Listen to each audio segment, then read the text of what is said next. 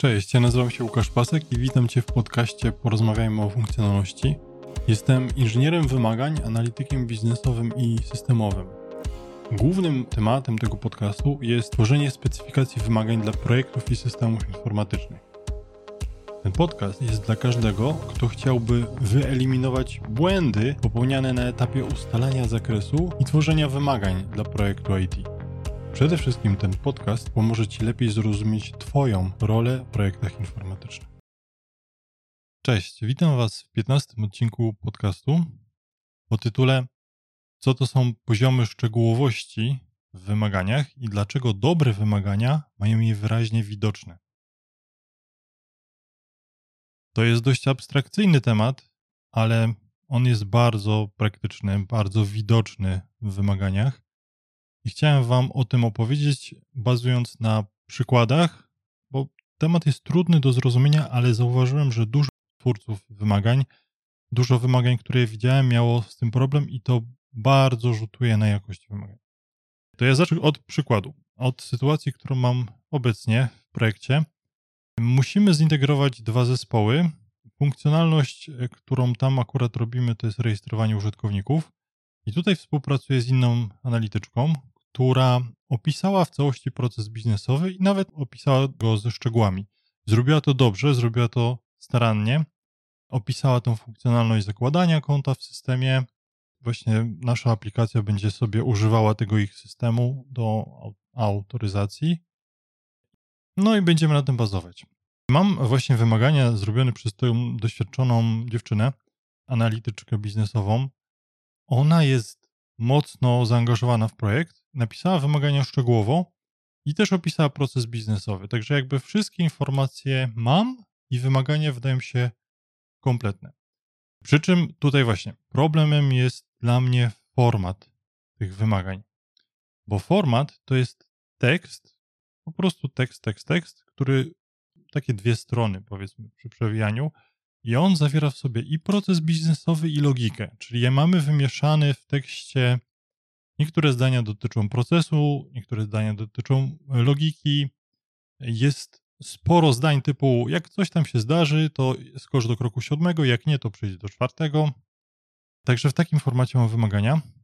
Moim zdaniem to nie jest coś, co można dać deweloperom i to nie jest łatwo pociąć na user stories. To się da zrobić, to jest zrozumiałe i to jest moim zdaniem wystarczająco dobre, ale mogłoby być lepsze. Czyli wymagania już są, ale no moim zdaniem jest trudno je zrozumieć. I to, co ja teraz robię, to przepisuję te wymagania. Wydaje się, no bez sensu, po co przepisywać wymagania, które są, ale ja je rozbijam właśnie na poziomy szczegółowości, bo moim zdaniem te poziomy szczegółowości są no, cholernie ważne. Poziom szczegółowości to jest coś takiego właśnie nieuchwytnego, abstrakcyjnego, ale wiem, że tutaj mam poziom procesu biznesowego, który mi zarysowuje kontekst, co mniej więcej tam się dzieje. Jakbym chciał komuś tak w paru zdaniach wytłumaczyć o co chodzi, no to no tu masz użytkownika, który się rejestruje, podaje swój e-mail. Potem kolejnym krokiem procesu biznesowego jest nadawanie mu uprawnień przez kogoś, administratora, takie rzeczy. No i mam ten, ten jeden poziom procesu biznesowego, a potem dodaję drugi poziom, taki scenariuszy given when then, czyli akurat teraz pracujemy specification by example, mamy ten format Gherkin, no i z tego tworzę scenariusze, a potem jak je zrobię, to dopnę do tego user stories. Już jedno user stories będzie mi wskazywało na jeden czy tam dwa scenariusze. I u mnie to jest bardzo wyraźnie rozbite. Widać, że tu jest proces, poniżej są powiedzmy wymagania takie atomowe. Ja to robię dlatego, że wymagania, tak jak to e, Karl Wiggers kiedyś w swojej książce opisał, one muszą być szczegółowe, kompletne, ale też muszą tłumaczyć kontekst. I ten kontekst nie może być wymieszany z innymi szczegółami. Dobra, jak to osiągnąć? Trzeba to zrobić tak, że w jednym miejscu piszę o procesie, a w szczegóły daję w drugim miejscu.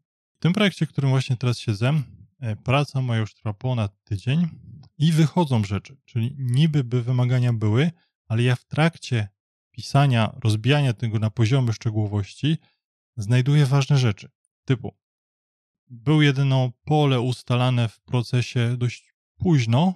Tam chodziło akurat, czy mamy wewnętrznych, zewnętrznych użytkowników. Mi wyszło, że musi być to dużo, dużo wcześniej, na samym początku ustalone, bo inaczej nie zrobię którymś kroku walidacji.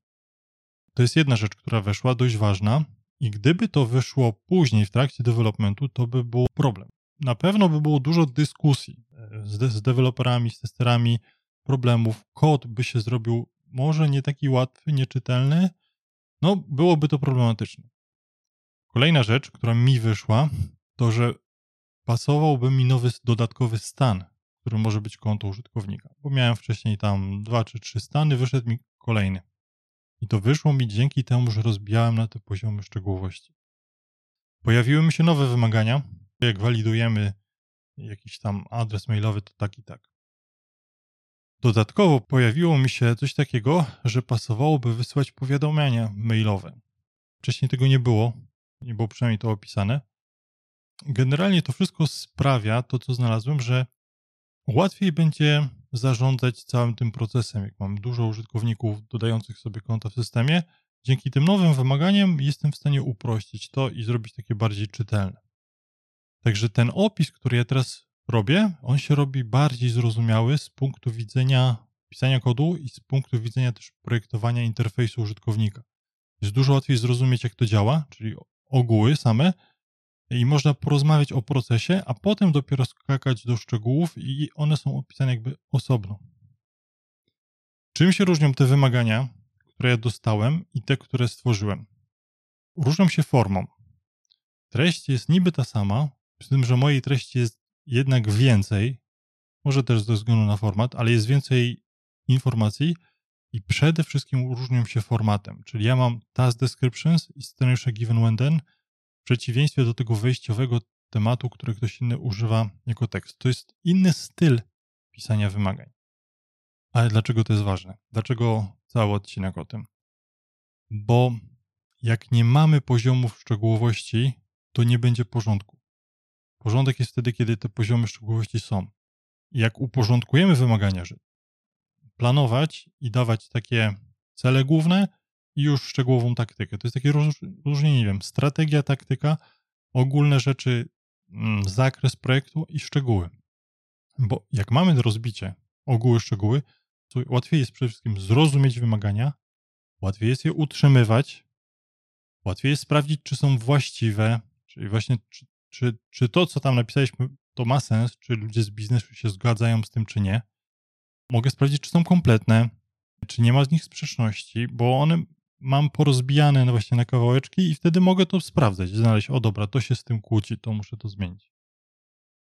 Mogę też określać zakres. Jak mam poziom szczegółowości, to cały projekt jest zbiorem kilkudziesięciu task descriptions. Cały projekt nie jest jakimś takim tekstem opisanym przez tekst i który wymaga interpretacji, tylko projekt jest zbiorem pewnych funkcjonalności. I ten zbiór wiemy, co w nim jest, i to jest nasz zakres. Przy czym, żeby mieć taki zbiór, to musimy mieć ten poziom szczegółowości taki wyższy. Odcięty od logiki, tam nie ma logiki, nie ma szczegółów, jest tylko zakres. Teraz pytanie, co się dzieje, to pomyślcie sobie nad tym. Mamy taki opis procesu biznesowego. Ktoś się rejestruje w systemie, dodaje konto, potem ono jest zweryfikowane, ktoś nadaje uprawnienia i aktywowane. Co by się stało, gdybym do tego opisu dodał jakąś logikę? Przykładowo e, logikę do walidacji i obsługi wyjątków przy wpisywaniu adresu mailowego. No co by się wtedy stało z wymaganiami? Mam, mam proces, dopisuję logikę. Pomyślcie o tym przez chwilę, pomyślcie sobie. Moim zdaniem to, co się zdanie, to się zrobi to zaciemnione. Nie będzie widać jasno procesu biznesowego, no i będzie tekst trudny do zrozumienia.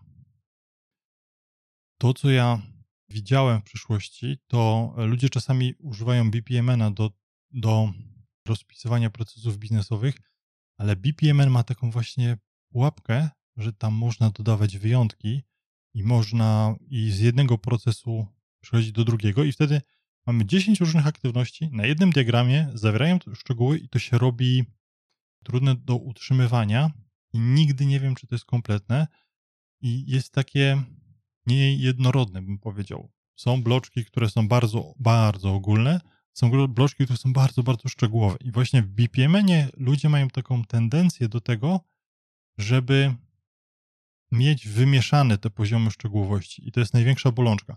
Gdyby na tym BPM nie zawsze był jeden poziom, to by była zupełnie, zupełnie inna jakość i dużo lepiej dałoby się to zrozumieć, ale tam to jest trochę trudne do osiągnięcia, przez to, że on mi na tak dużo rzeczy pozwala, pozwala mi za dużo, bo jak ja używam innych narzędzi typu Task Descriptions, ja wiem, że tam nie dopisuję logiki, jak używam rzeczy typu, nie wiem, diagram Warniera, to wiem, że tam mam tylko logikę i tam z kolei nie mam procesu biznesowego. No dobra, ale teraz trochę e, z innej strony popatrzmy na to, co mówią inni ludzie, czyli co mówią mądrzy ludzie z branży.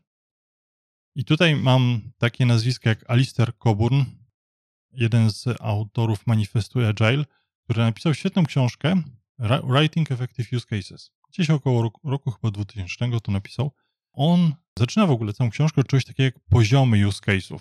Tam ma akurat metaforę oceanu, nad którym jest jakby niebo nad oceanem, powierzchnia oceanu i no i ocean sam, czyli woda. I według niego te use cases są na poziomie powierzchni, ale można też tworzyć takie wyższego poziomu, ale można pójść za głęboko.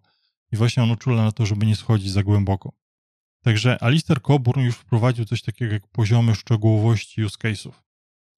Zobaczmy na inną osobę. Carl Wiggers, autor książki Software Requirements.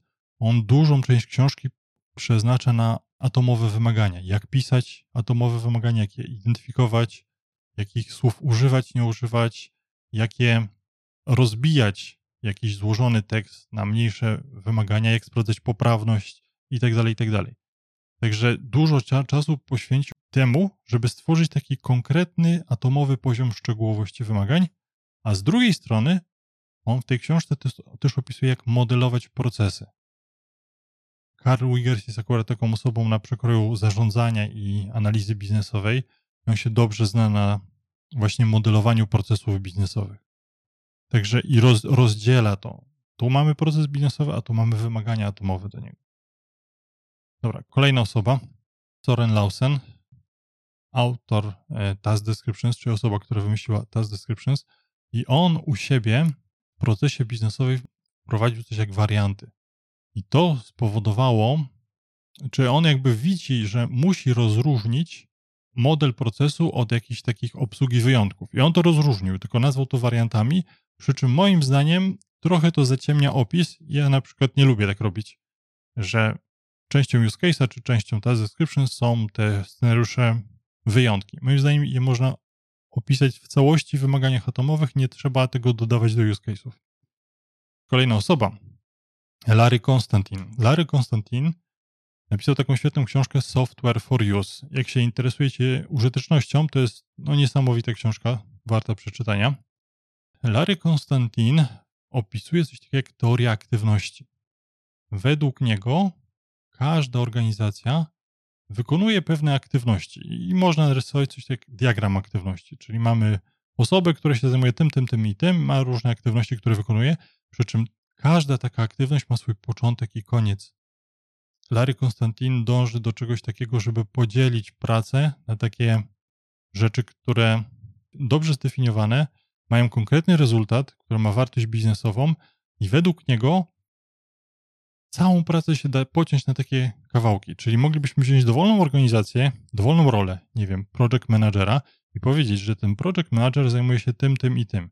Czyli jego jedną rzeczą jest raportowanie postępu projektu, monitorowanie postępu projektu. Takie rzeczy, wbrew pozorom, da się opisać, da się stworzyć procedurę dla, dla każdej z takich rzeczy.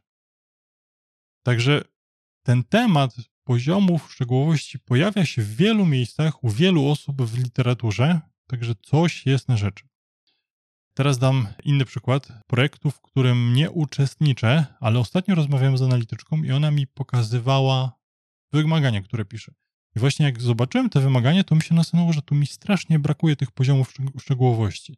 Także mamy osobę, która jest znowu bardzo systematyczna, poszerzająca swoje kompetencje, stara się pisać dobrze wymagania, ale nie czuje jeszcze tego, że wymagania powinny mieć poziomy szczegółowości. Ja widziałem to u wielu osób, że brakowało mi tych poziomów szczegółowości. Czyli mamy z jednej strony szczegóły, ale one są troszkę tak wymieszane, nie ma takiej przejrzystości w dokumentacji. Czyli ja bym chciał mieć osobno proces, a osobno detale, logikę odnośnie konkretnych tam sprawdzeń. I to widać, i to generalnie przekłada się na problemy, które ludzie mają, bo jeżeli się okazuje, że nagle deweloperzy omijają kogoś, czy wolą między sobą ustalać wymagania, albo wolą iść do biznesu, nie, nie rozmawiać z analitykiem, to dlatego, że im się nie do końca sprawdza jakość tego, co dostają.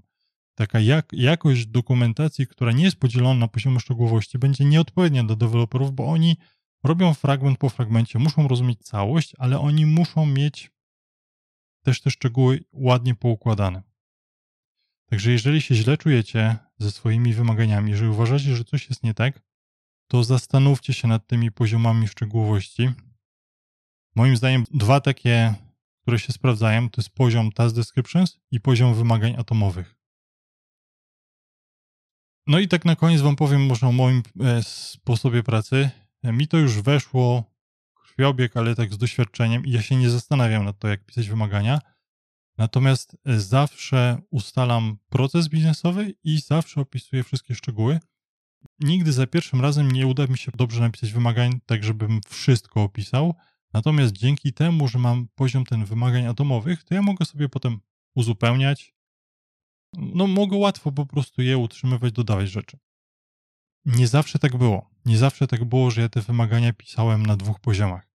Ja na początku pisałem tylko wymagania atomowe i wszystko ładowałem jako wymagania atomowe. Potem przed Agile doszły mi user stories, które tak mi trochę grupowały te wymagania atomowe. Jakby w jednym user stories to dla mnie tylko było takie opakowanie kilku, kilkunastu wymagań atomowych. Natomiast w którymś momencie nauczyłem się use case'ów. I to było już coś innego. To było coś zupełnie innego niż wymagania atomowe, to było już narzędzie do modelowania. Ten inny poziom szczegółowości, ten bardziej ogólny, jest właśnie do modelowania biznesu, opisywania kontekstu, zrozumienia całości, zanim wejdziemy w szczegóły. Także zwykle mam właśnie dwa poziomy abstrakcji, czasami mam trzy, jak mi wchodzą diagramy Warnera.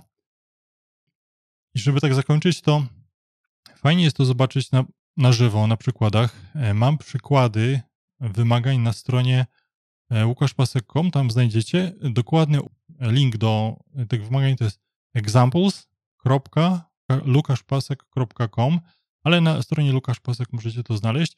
Tam są przykłady, przykłady konkretnych wymagań i zobaczycie, że tam zawsze jest poziom task descriptions i poziom wymagań atomowych. I to jest naprawdę cholernie ważne. Także gdybyście mieli problemy z jakością wymagań, z utrzymywaniem tych wymagań, gdybyście widzieli wymagania, które wam trudno jest zrozumieć, zastanówcie się, jak tam wyglądają poziomy szczegółowości, ile ich jest. Czy wymagania są wszystkie jednorodne, czy jednak są wyraźnie zarysowane. Proces, szczegóły. Także dzięki za wysłuchanie i do zobaczenia następnym razem. Dziękuję Ci za wysłuchanie całego odcinka i zachęcam do subskrypcji kanału. Może w trakcie słuchania przypomniał Ci się ktoś, kto miał podobny problem. Wyślij mu proszę link, może znajdzie coś ciekawego dla siebie. Gdybyś chciał, chciała o coś zapytać albo o czymkolwiek porozmawiać, to zapraszam do kontaktu przez mój profil na LinkedIn. Do usłyszenia w kolejnym odcinku.